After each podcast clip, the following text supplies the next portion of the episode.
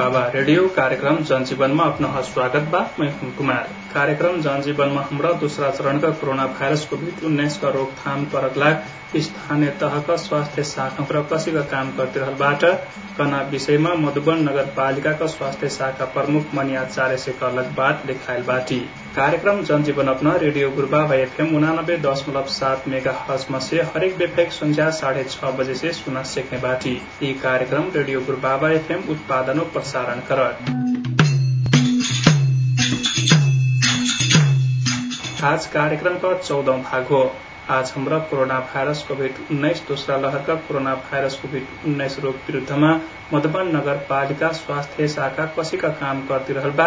आवक समयमा मधुबन नगरपालिकाका नगरवासीकन स्वास्थ्य सुरक्षाका लागि करलक काम हो।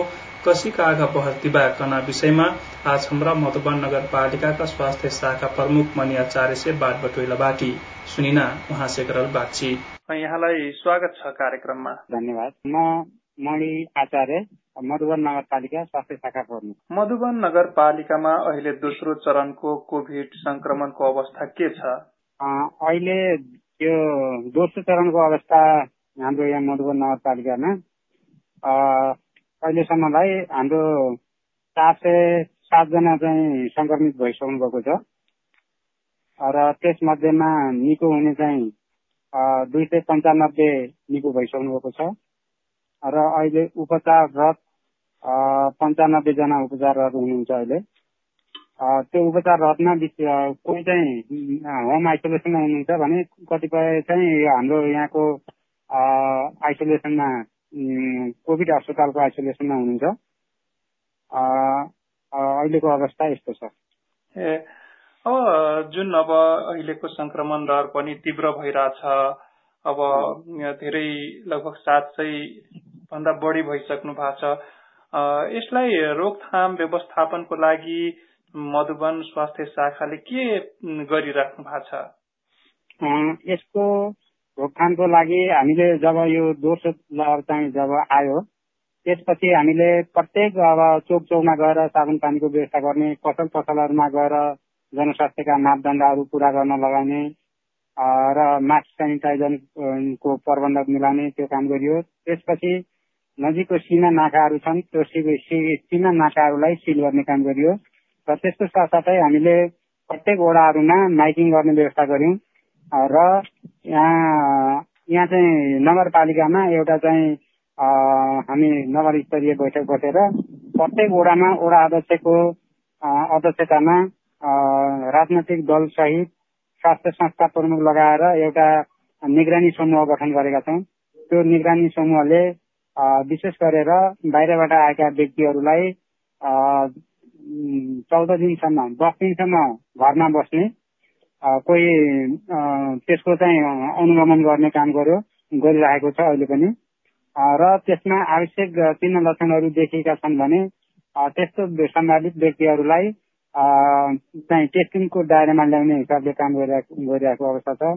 र त्यसको साथसाथै प्रत्येक टोलमा वडा सदस्यको अध्यक्षतामा एउटा चाहिँ वडा स्तरीय निगरानी टोल स्तरीय निगरानी समिति गठन गरिएको छ।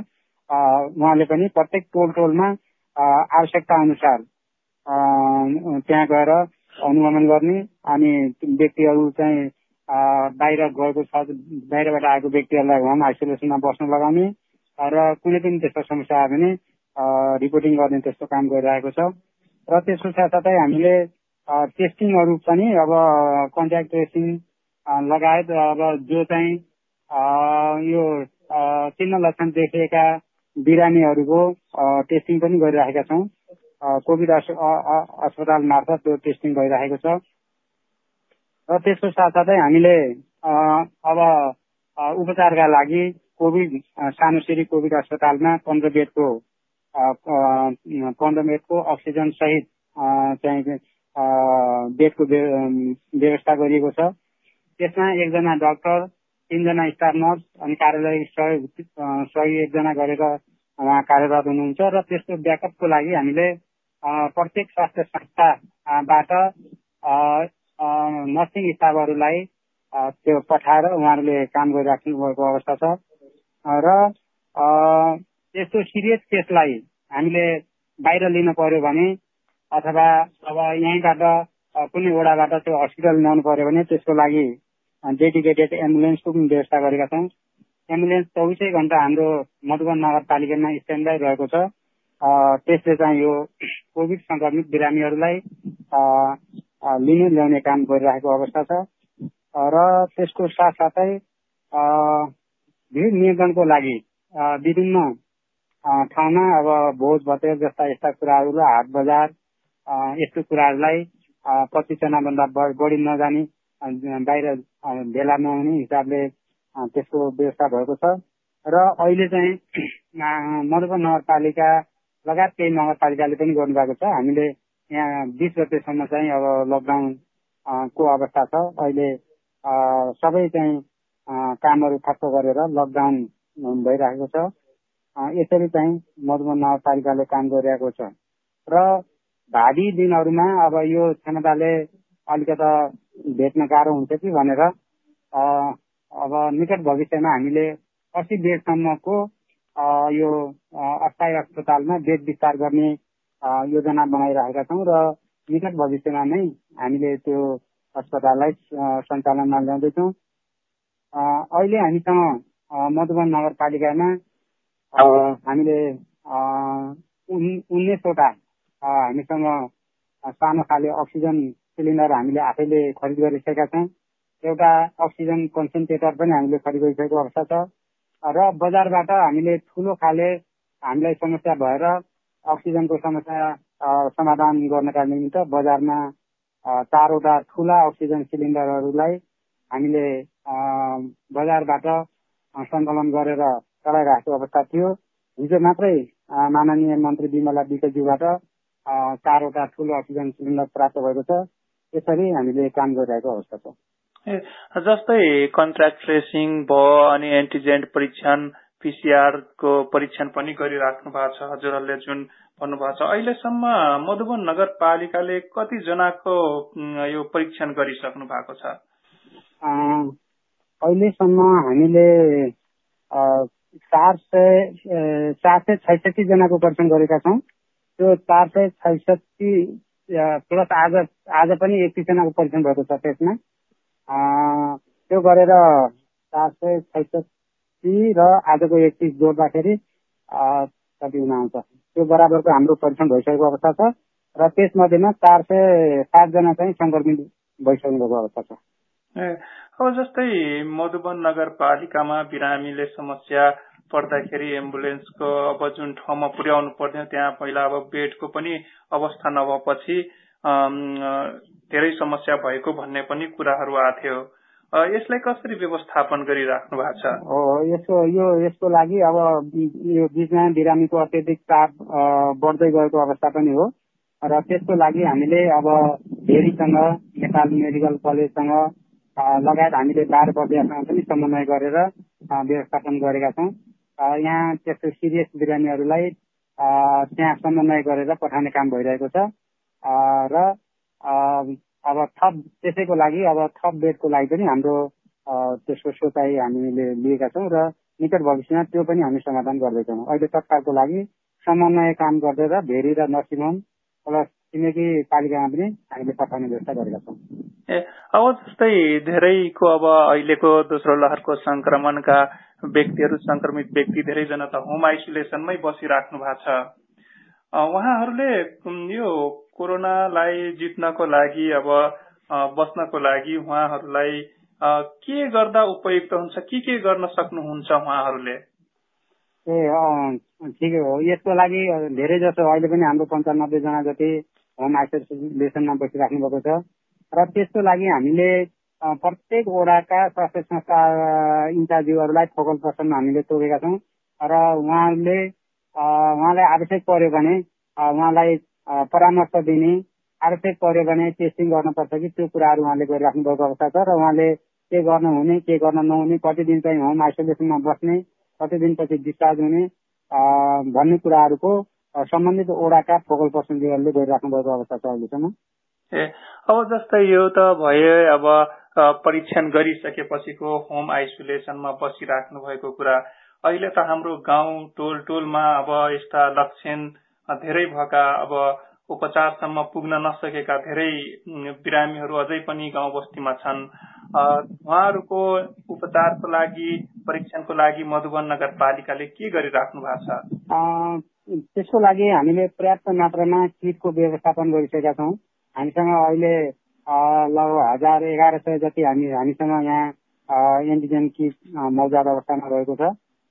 र त्यसको साथसाथै हामीले पिसिआर पनि गरिरहेका छौँ र त्यसको हामीले प्रत्येक वडामा हामीले सर्कुलर गरेका छौँ। उहाँलाई आफ्नो वडा अन्तर्गतका कुनै पनि त्यस्तो साइन्स सिम्टम देखिएका बिरामीहरूलाई तुरुन्तै चाहिँ सम्बन्धित ठाउँमा ल्याएर यो एन्टिजेन टेस्ट गर्ने पिसिआर टेस्ट गर्ने भनेर उहाँले भनेका छौँ र त्यही अनुसार काम भइरहेको छ र हामीले कहिले प्रत्येक दिन नभए एक दिन बिराएर त्यसको हिसाबले हामीले टेस्ट गरिरहेका छौँ। जस्तै कि अब अरू त घरमा बसिरहेका सामान्य ज्वरो रुगा खोकिआएको अब परीक्षण पनि गराउन नजाने त्यस्ता पनि हाम्रो समाजमा अझै धेरै व्यक्तिहरू हुनुहुन्छ। अब घरमै बसेर डाक्टरको बिना सल्लाहै नै औषधिहरू पनि सेवन गर्ने अवस्था छ। उहाँहरूलाई उहाँहरू चाहिँ के गर्नुहुन्छ के गर्नु हुँदैन? अब यसको लागि अब धेरै जसो खासै त्यस्तो घरमा बसेर अब त्यो अनावश्यक दबाईहरू लिन चाहिँ उपयुक्त हुँदैन। साइन सिम्टम देखियो भने उहाँले टेस्टिङको दायरामा आउनुपर्छ र त्यसको लागि अब सबैले हामीलाई सहयोग गर्नुपर्ने हुन्छ। जनप्रतिनिधि लगायत समाजसेवी बुद्धिजीवी उहाँहरूले पनि अब हामीलाई चाहिँ गर्नुपर्ने हुन्छ। स्वास्थ्यले त गरिराखेकै छ। त्यस्तो अवस्थामा उहाँहरूले पनि हामीलाई सपोर्ट दिनुपर्ने हुन्छ। र अनावश्यक औषधिहरू खान आवश्यक हुँदैन। अब चिन्ह लक्षण देखियो भने चिन्ह लक्षणको आधारमा दिने औषधिहरू सेवन गर्नुपर्ने हुन्छ। त्यो डाक्टरको सल्लाह अनुसार गर्नुपर्ने हुन्छ। त्यो बाहेक आफैले यो गर्यो भने त्यति राम्रो चाहिँ हुँदैन। अरू सामान्य कुराहरू अब स्वस्थ खानेकुराहरूले लिएर नियमित गर्नुपर्ने आयाम व्यायामका कुराहरू गरिरहेको भने र घरभन्दा बाहिर निस्केन भने बिस्तारै सबसाइड भएर जान्छ। केही नभए पनि उहाँहरूले घरभन्दा बाहिर ननिस्केर त्यसरी बस्नु भयो भने पनि त्यसलाई धेरै न्यून गर्नलाई धेरै सहयोग हुन्छ भन्ने हामीले आशा लिएका छौँ। र त्यस्तो व्यक्तिले अनावश्यक हिसाबले कुनै पनि औषधिहरू नखानको लागि हामी सल्लाह दिएका छौँ र दिन्छौँ भने अब जुन अब होम आइसोलेसनमा बसिराख्दाखेरि हाम्रो समुदायमा जुन घरमा अब कोभिड संक्रमित छन् होम आइसोलेसनमा बस्दा उहाँहरू बाहिर ननिस्के पनि उहाँको जुन परिवारहरू छन् उहाँहरूले बाहिर यसो घुमिराख्ने जस्ता पनि कामहरू गतिविधि पनि हाम्रो समाजमा भइराखेको हुन्छ। उहाँहरूलाई कसरी निगरानी गरिराख्नु भएको छ हजुरहरू? त्यसको लागि त हामीले एउटा ऊ नै बनाएका छौँ होइन? निगरानी समूह नै बनाएका छौँ। त्यसमा अब विशेष गरेर अब राजनैतिक दल जननिर्वाचित जनप्रतिनिधि लगायत हाम्रो स्वयंसेविका स्वास्थ्यको टिमले निगरानी गरिरहेको छ र त्यही अनुरूप उहाँलाई सल्लाह दिने काम पनि भइरहेको छ। अब यता गएर त्यस्तो व्यक्तिहरू हुन्छ भने यो चाहिँ अब अरू समाजको छिमेकीको सबैको दायित्वभित्र पर्छ र उहाँलाई चाहिँ मेन स्ट्रिममा ल्याउन जरुरी हुन्छ। अब जस्तै मधुबन नगरपालिकाले यो अब दोस्रो लहरको कोरोना कोभिड संक्रमणको जोखिम बढिरहेको बेलामा जुन व्यवस्थापनमा समस्या आउँदाखेरि नगरवासीहरूलाई सम्बन्धित निकायमा समयमा उपचार गर्न नसक्ने अवस्था आइसकेपछि जुन अस्सी बेडको भावी दिनको लागि पनि योजना बनाउँदै पछि यस्तो नहुन नहोस् भन्ने हिसाबले जुन उपचार दिने हिसाबले अस्सी बेडको जुन आइसोलेसन वार्डहरू अस्पतालै बनाउने जुन योजनामा लाग्नु भएको छ यसको प्रक्रिया कहाँसम्म पुगेको छ? के के काम भइसकेको छ? अब त्यसको लागि हामीले त्यसको फिल्ड स्टडी गरिसकेका छौँ। त्यो झनै एक महिनाभित्र त्यो संरचना त्यो पूर्ण रूपले तयार हुँदैछ। त्यसपछि हामी त्यहाँ गएर अब त्यसलाई चाहिँ आदेशन गर्ने बेड विषय गर्ने त्यो काम गर्दैछौँ। र त्योभन्दा अगाडि हामीले त्यो एक्सरे लाई पनि अलिकति आवश्यक देखिएको हुनाले एक्सरे मेसिनको लागि पनि हामी तयारी अवस्थामा भएर हामी एक्सरे डिजिटल एक्सरे राख्ने अवस्थामा पुगेका छौँ। त्यसको कुरा भइसकेको छ र खरिद प्रक्रिया त अगाडि बढेको छैन। हामी त्यो प्रक्रियामा छौँ। त्यो सँगसँगै हामी एक्सरे पनि राख्छौँ र त्यसको प्रक्रिया मलाई लाग्छ झन् एक महिना अवधिपछि हामी त्यो पुरा गर्छौँ। ए अब यसमा त अब डक्टरहरूको आवश्यकता पनि पर्ने हुन्छ होला। यसको व्यवस्थापन कसरी गरिराख्नु त्यसको लागि अहिले हामीसँग एकजना मौजुदा एकजना डक्टर हुनुहुन्छ। अब एकजना डक्टरले चौबिसै घन्टा उहाँलाई गाह्रो चाहिँ भएको अवस्था छ। तैपनि उहाँले गरिराख्नु भएको अवस्था छ। अब रातिको लागि अनकलमा काम गर्नुभएको छ। दिनभरि उहाँले काम गरेको अवस्था छ। र भोलिका अब बेड विस्तार यो विस्तार हुने क्रममा अब सबै गर्न अलिक कठिन नै हुने भएनाले हामीले डक्टरलाई पनि अर्को थप गर्नुपर्छ भन्ने सोचमा छौँ र हामीले खोजी पनि राखेको अवस्था छ। डक्टर पनि हामी चाहिँ थप गर्ने योजनामा हाम्रो रहेको छ। अन्तमा अब यो कोभिड सम्बन्धी मैले यसमा तपाईँलाई क्वेसन गरेँ अब यो योभन्दा बाहेक अरू भन्नै पर्ने केही छ भने भन्न सक्नुहुन्छ। विशेष गरेर अहिलेको सन्दर्भ कोभिडै भएको हुनाले कोभिडकै सन्दर्भमा सम्पूर्ण मधुबन आमा बुवा दाजुभाइलाई म चाहिँ स्वास्थ्य शाखाको तर्फबाट विशेष अनुरोध के गर्छु भने यो चाहिँ यसको लागि यस्तो किसिमको रोग हो जसको कुनै उपचारै छैन। यस्तो उपचारै नभएको रोगको लागि रोकथाम गर्ने आफ्नै हातमा छ। त्यस कारणले हामीले सरकारले लिएको नीति अनुरूप उहाँले आफ्नो घरमा सुरक्षित हिसाबले बसिदिनु भयो भनेपछि केही दिनभित्र यो नियन्त्रणमा आउँछ। त्यस कारणले सम्पूर्ण मधुबन आमा बुवा दाजुभाइ दिदीबहिनीहरूलाई आफ्नो घरमा बसेर बसिदिएर सहयोग गरिदिनुको लागि म हार्दिक अनुरोध गर्छु हुन्छ धन्यवाद यहाँको अमूल्य समयको लागि। यहाँलाई पनि विशेष धन्यवाद। मेरो आफ्नो कुरा राख्ने अवसर दिनुभएकोमा यहाँलाई पनि विशेष धन्यवाद दिन्छु। बातचीत पासा आज हमार जनजीवन कार्यक्रम का समय ओराई लागल बा। आज कार्यक्रम जनजीवन अपनाहन कसिन लागल प्रतिक्रिया पठाए चिन मिश्रेबी। हमन पत्रचार करना ठेगाना हो रेडियो कार्यक्रम जनजीवन रेडियो गुरुबाब एफएम उनानब्बे दशमलव सात मेगा हर्स पाँच कड़ी नगर पालिका पाँच पाँच कड़ी मफे पत्र पठाई सेक्ने बाटी। वाकर सँग सँग हमन फोन मसेफे अपन सुझाव रेकर्ड कराई सेक्ने बाटी। वाकर लाख हमार फोन नम्बर हो शून्य चौरासी चार चार शून्य चार। अपना हमन ईमेल मार्फत फिर सलाह सुझाव पठाई सेक्बी हमार ईमेल ठेगाना हो at the rate Gmail dot com लिट ऐन अठवार और अंक फेलेका ऐना वाचकसँग प्राविधिक संगरिया गौरी शंकर थारूसँग मै हुँ कुमार फे विदा जय बाबा।